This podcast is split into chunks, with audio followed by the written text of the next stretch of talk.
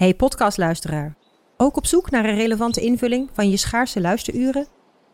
Tune dan in op de podcastserie ESG, even samengevat van BNP Paribas. Wij, Marloes en Aldert, spreken daar duurzame voorlopers en wereldverbeteraars. Waarover dan? Nou, bijvoorbeeld of we ooit duurzaam kunnen gaan vliegen. En waarom koeien in de stad nou een goed idee is? Dat en meer elke twee weken in een nieuwe aflevering. Dus abonneer je. ESG, even samengevat. Ik ben al jaren ondernemer, maar waar moet ik eigenlijk allemaal aan denken nu ik voor het eerst personeel wil aannemen, voor het eerst ga importeren of voor het eerst een bedrijfslocatie zoek? Weet wat je wel of niet moet doen bij zaken die je voor het eerst oppakt. Check kvk.nl voor praktische stappenplannen. KVK, hou vast voor ondernemers.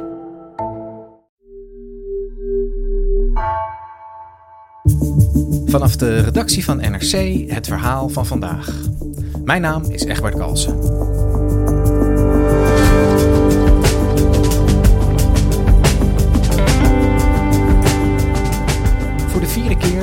Jaar tijd is Donald Trump aangeklaagd.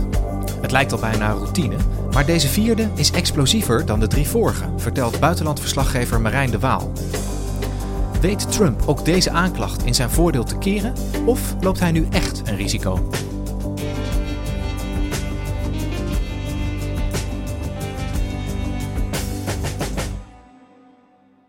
Ik kwam dinsdagmiddag aan in uh, Atlanta, hartje downtown. Daar staat het gerechtsgebouw van Fulton County, het, uh, uh, de gemeente waar Atlanta, de grote stad van Georgia, in ligt. En daar ja, was het, het, het, eigenlijk inmiddels al bijna gebruikelijke mediacircus te zien... wat neerstrijkt als Donald Trump wordt aangeklaagd in een, in een staat je ziet dan allemaal journalisten, vooral van de televisie natuurlijk. Die moeten eindeloos hun stand-uppers doen onder partytenten. Want uh, de zon brandt behoorlijk fel hier. en die zijn erg verveeld, want er zal misschien nog wel dagen heel weinig te melden zijn. Maar die moeten toch elke uur eventjes vertellen van we staan hier. En we zijn aan het wachten totdat ex-president Trump hier ingerekend gaat worden. Voorgeleid gaat worden en waarschijnlijk weer vrijgelaten gaat worden. Dus ja, de spanning ja, die gaat hier toenemen in, in opmaat naar zijn voorgeleiding. Atlanta, Georgia uh, in het algemeen zet zich wel schrap voor deze zaak. Ja, Marijn, deze week is Trump opnieuw aangeklaagd in de staat Georgia deze keer, waar jij nu ook bent. Hoe ging dat precies? Nou, Fanny Willis, dat is de hoofdofficier van justitie van Fulton County. Thank you for joining us. Die is al 2,5 jaar bezig met een onderzoek naar Trumps bemoeienis hè, met die verkiezingsuitslag die hem niet zinde, waarin hij verloor. En um, Fanny Willis kwam met die, uh, met die aanklacht. Charging 19 individuals with violations of Georgia law arising from a criminal conspiracy to overturn the results of the 2020 presidential election in this state. En wat vooral pikant eraan was, is dat ze zoveel mensen samen met uh, Donald Trump aanklaagt. Nog 18 andere uh, veronderstelde medeplichtigen. Rudolph William Louis Giuliani. John Charles Eastman. En uh, ze wil hen ook Mark aanpakken als een criminele organisatie. Ja, dat klinkt behoorlijk stevig. Trump en zijn medewerkers die worden aangeklaagd onder noemer van een criminele organisatie. Hoe, hoe zit dat? Ja, kijk, je hebt in Amerika um, de RICO Act. Dus dat is de Racketeer Influenced and Corrupt Organization Act. Die is eigenlijk geïntroduceerd om de georganiseerde misdaad, hè, echt de maffia uit de jaren 70, uh, aan te pakken. Daar heeft Georgia ook zijn eigen variant van. En die heeft zij aangewend om, um, nou, om deze club mensen die volgens haar een soort criminele samenzwering vormde, uh, aan te pakken. En Trump zelf uh, nu uh, te vervolgen. I am giving the defendants the opportunity to voluntarily surrender no later than noon on Friday, the 25th day of August 2023. Dit is nu de vierde keer dat hij wordt aangeklaagd. Uh, de tweede keer voor zijn bemoeienis met uh, de verkiezingsuitslag van 2020. En deze aanklacht is daarmee misschien wel de meest explosieve. Je kan ook zeggen een van de lastigere te bewijzen aanklachten misschien wel. Maar het is in ieder geval, als die uh, hierop veroordeeld wordt, is het zeker de meest riskante. En er gelden ook hele zware straffen op de delicten die hem te lasten zijn gelegd. Ja, jij zegt het al, het is niet de eerste aanklacht. we hebben er de afgelopen zes maanden al een paar voorbij zien komen. Ehm, kan jij eens kort voor ons neerzetten welke aanklachten er nog meer tegen Trump lopen? Ja, heel kort gezegd uh, heeft hij nog drie andere zaken die, die wel het vernoemen waard zijn. Er is er eentje die, die draait nog om de campagne van 2016, die die, die, die won. In die campagne zou hij een uh, veronderstelde minares, een voormalige pornoactrice, omgekocht hebben, of in ieder geval geld gegeven hebben om over die verhouding te zwijgen. Dat deed hij met geld uit zijn campagnekas. Dat moest een beetje weggemoffeld worden. Nou, daar wordt hij voor vervolgd in New York. Dan is er nog zijn omgang met staatsgeheime documenten. Uh, die heeft hij uh, in dozen, uh, enkele tientallen, eh, meegenomen naar Mar-a-Lago, zijn resort in Florida. Ook daar wordt hij voor vervolgd, onder andere meer de spionagewet. En dan is er nog het, het derde onderzoek, dat is van Jack Smith. Dat is een speciaal aanklager aangesteld door het ministerie van Justitie. Die overziet ook de aanklacht eigenlijk waar Fannie Willis dus ook onderzoek naar deed. Maar dan in verschillende staten waar Trump probeerde die verkiezingsnederlaag van 2020 nog ja, terug te draaien. Die, die aanklacht die nu in, in Georgia is ingediend door die Fannie Willis. Hoe moeten we dat nou in verhouding tot die andere aanklachten zien? Ja, kijk, hij, deze aanklacht is in potentie misschien wel de meest gevaarlijke voor Trump. Um, het inzetten van die RICO Act um, maakt het ook heel pikant natuurlijk. Trump die terecht gaat staan als zijnde een soort maffiabaas. Um, en ja, het, het voordeel voor, in ieder geval voor, de, voor justitie van, zo'n, van deze wet is, is dat je ehm, het hele netwerk uh, in kaart brengt en oprolt. En dat doe je eigenlijk door onderop te beginnen. Dus je begint bij relatief kleine vissen. Uh, die probeer je te intimideren met van, nou, u kunt zoveel jaar de cel in gaan hiervoor. Wilt u niet getuigen tegen degene boven u? En zo ga je, werk je langzaam maar zeker omhoog naar de, de hoogste baas. En dat is in dit geval de ex-president van de VS. Wat is er nou zo specifiek in Georgia gebeurd dat deze staat deze zaak op deze manier aanpakt? Het begint, het begint eigenlijk allemaal met een telefoontje.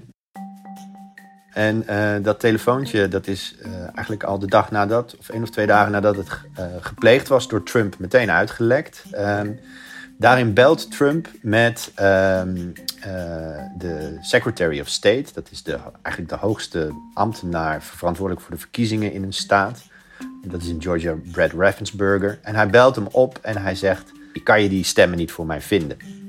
So, look, all I want to do is this. I just want to find uh, 11,780 votes. So tell me, Brad, what are we going to do? Uh, we won the election, and it's not fair to take it away from us like this.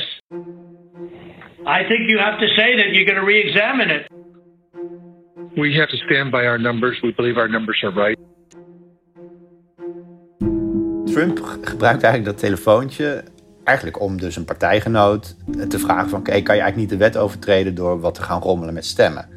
Nou ja, die, die, die man wil daar eigenlijk niet op ingaan. Uh, en dan draait Trump het eigenlijk om. Dan zegt hij, nee, jij bent eigenlijk uh, crimineel als je dit niet doet. You know what they did and you're not reporting it. That's a, you know, that's a criminal, that's a criminal offense. And, and you know, you can't let that happen. That's, that's a big risk. Het is voor jou echt een groot risico uh, als je hier niet op ingaat. Dus hiermee wordt echt enorme druk op zo'n lagere uh, bestuurder gelegd door de president van de VS. Van wil je niet even voor mij de wet overtreden? Uh, ja, dat, dat we daar audio van hebben, dat, dat maakt toch wel dat je in ieder geval als hoofdofficier denkt: ik kan hier wel een zaak omheen gaan bouwen.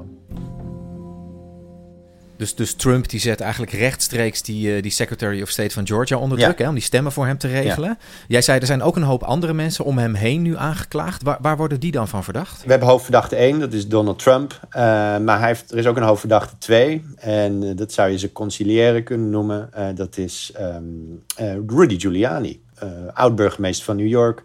Nationale held, geworden na 11 september maar inmiddels enigszins verguisd, uh, uh, maar wel privéadvocaat ook van Trump in de nasleep van die presidentscampagne.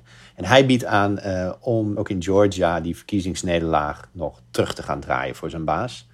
En dat doet hij onder andere door met een complottheorie aan de haal te gaan die na de verkiezingen gaat circuleren op internet. Die is afkomstig van een livestream uit het stemmentelbureau uh, hier in Atlanta. Look at this new surveillance footage we'll be showing you. Mysterious suitcases. En daar zitten uh, op verkiezingsdag twee vrouwen naast elkaar de stemmen te tellen. Dat zijn uitzendkrachten die daar gewoon een baantje hebben. En die, um, die geven iets aan elkaar door, is te zien in dat fragment uit die livestream. All right, look closely at your screen. Complotdenkend uh, rechts-Amerika, die gaat daarmee aan de haal. Die zegt, uh, daar is uh, iets gebeurd. Daar moet een USB-stick aan elkaar zijn. En die geven die vrouwen aan elkaar door. Daar staan duizenden extra stemmen voor Joe Biden op. Later wordt ook gezegd, oh, ze worden geschoven met koffers vol stemmen. Several large, mysterious suitcases, yeah, they believe filled with ballots, were rolled out from under a table. Watch for yourself.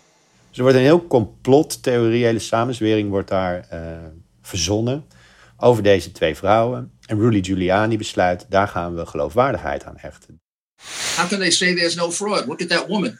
Look at her taking those ballots out. They look like they're passing out dope, not just ballots. Uh, it is quite clear they're stealing votes. Kijk maar hoe stiekem ze deden, alsof ze een beetje drugs aan elkaar doorgaven, maar het was een USB-stick. En um, uiteindelijk blijkt het allemaal onzin te zijn. Die vrouwen gaven elkaar gewoon een snoepje door. En uh, die koffers waar ze die stemmen ook nog in zouden hebben gepropt, die uh, bleken gewoon de normale gebruikelijke dozen te zijn waar uh, op verkiezingsdag de stemmen in worden opgeslagen. Dus dit was allemaal ehm, onzin. Maar deze vrouwen kregen doodsbedreigingen. A lot of threats, um, wishing death upon me, um, telling me that you know I'm, I'll be in jail with my mother.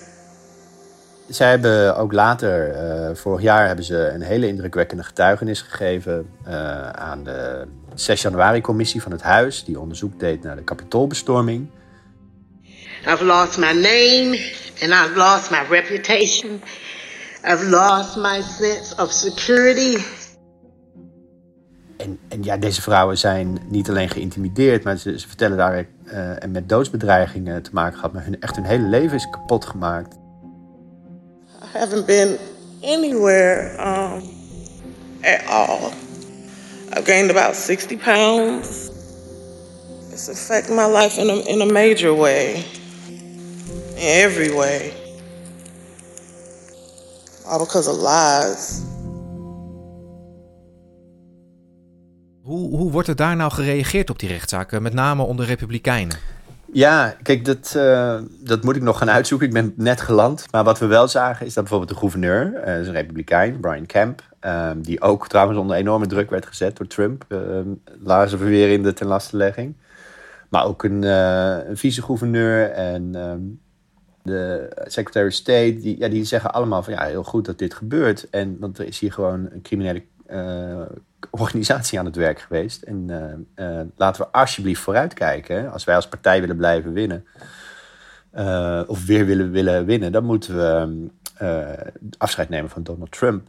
Maar veel andere rivalen van Trump, die ook hun vinger hebben opgestoken voor de Republikeinse presidentsnominatie. In ieder geval de meest kansrijke, volgens de peilingen dan. Die, die durven geen afstand te nemen van Trump. Hè? Maar dat, daaruit zie je dus dat die kandidaten enorm op eieren moeten lopen. Aan de ene kant willen ze Donald Trump verslaan in die race. Aan de andere kant zien ze ook...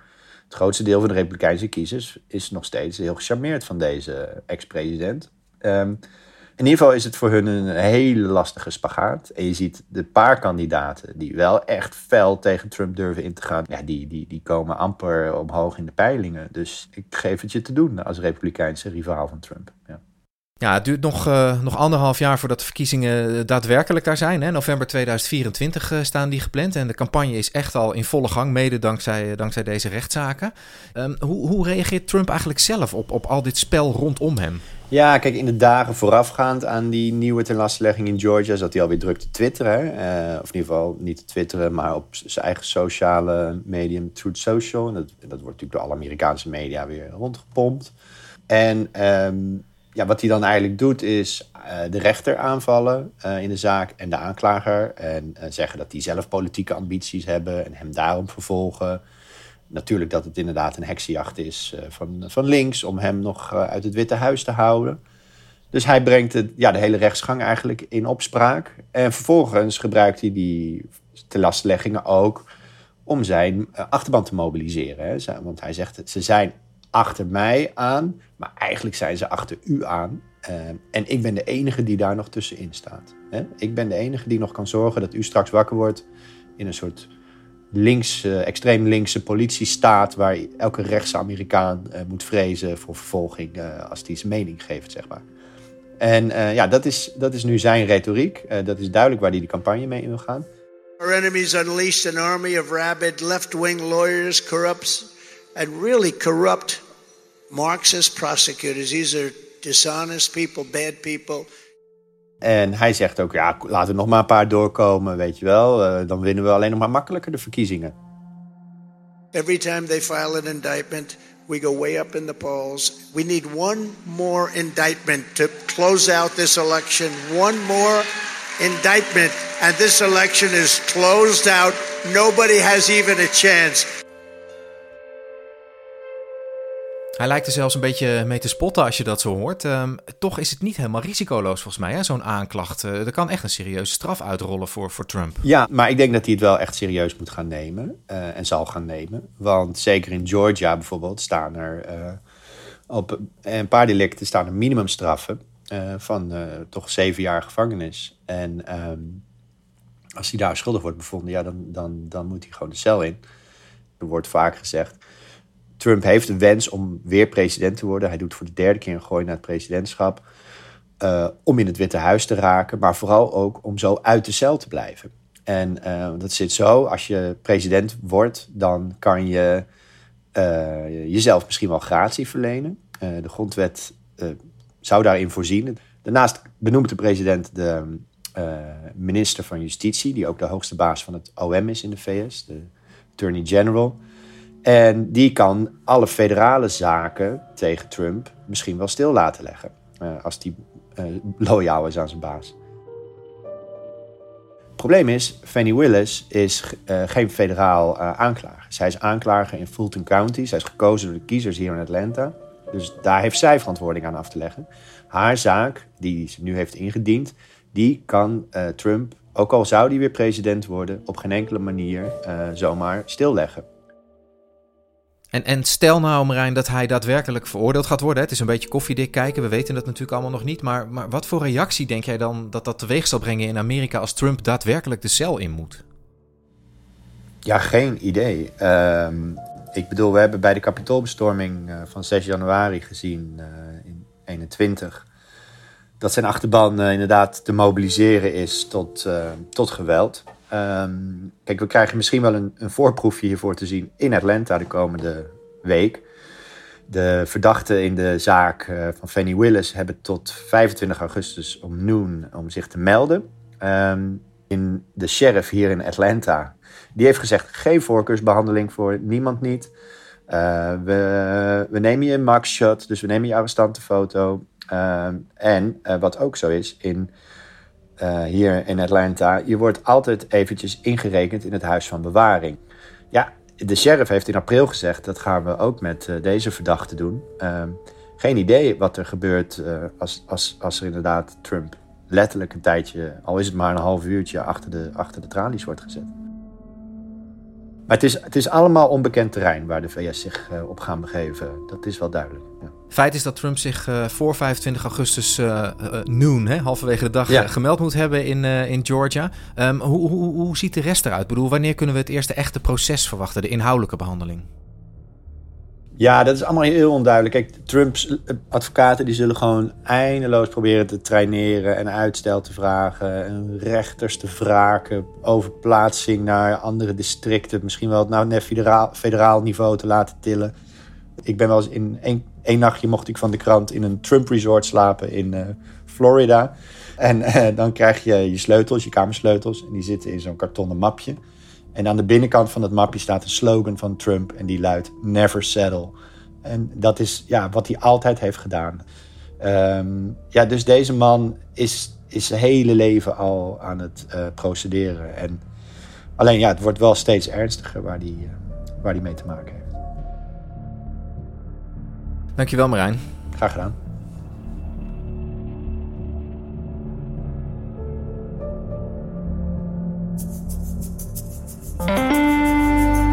Je luisterde naar vandaag, een podcast van NRC. Eén verhaal, elke dag. Deze aflevering werd gemaakt door Tessa Kolen en Stef Visjager. Coördinatie Henk Ruigrok van de Werven. Dit was vandaag, maandag weer.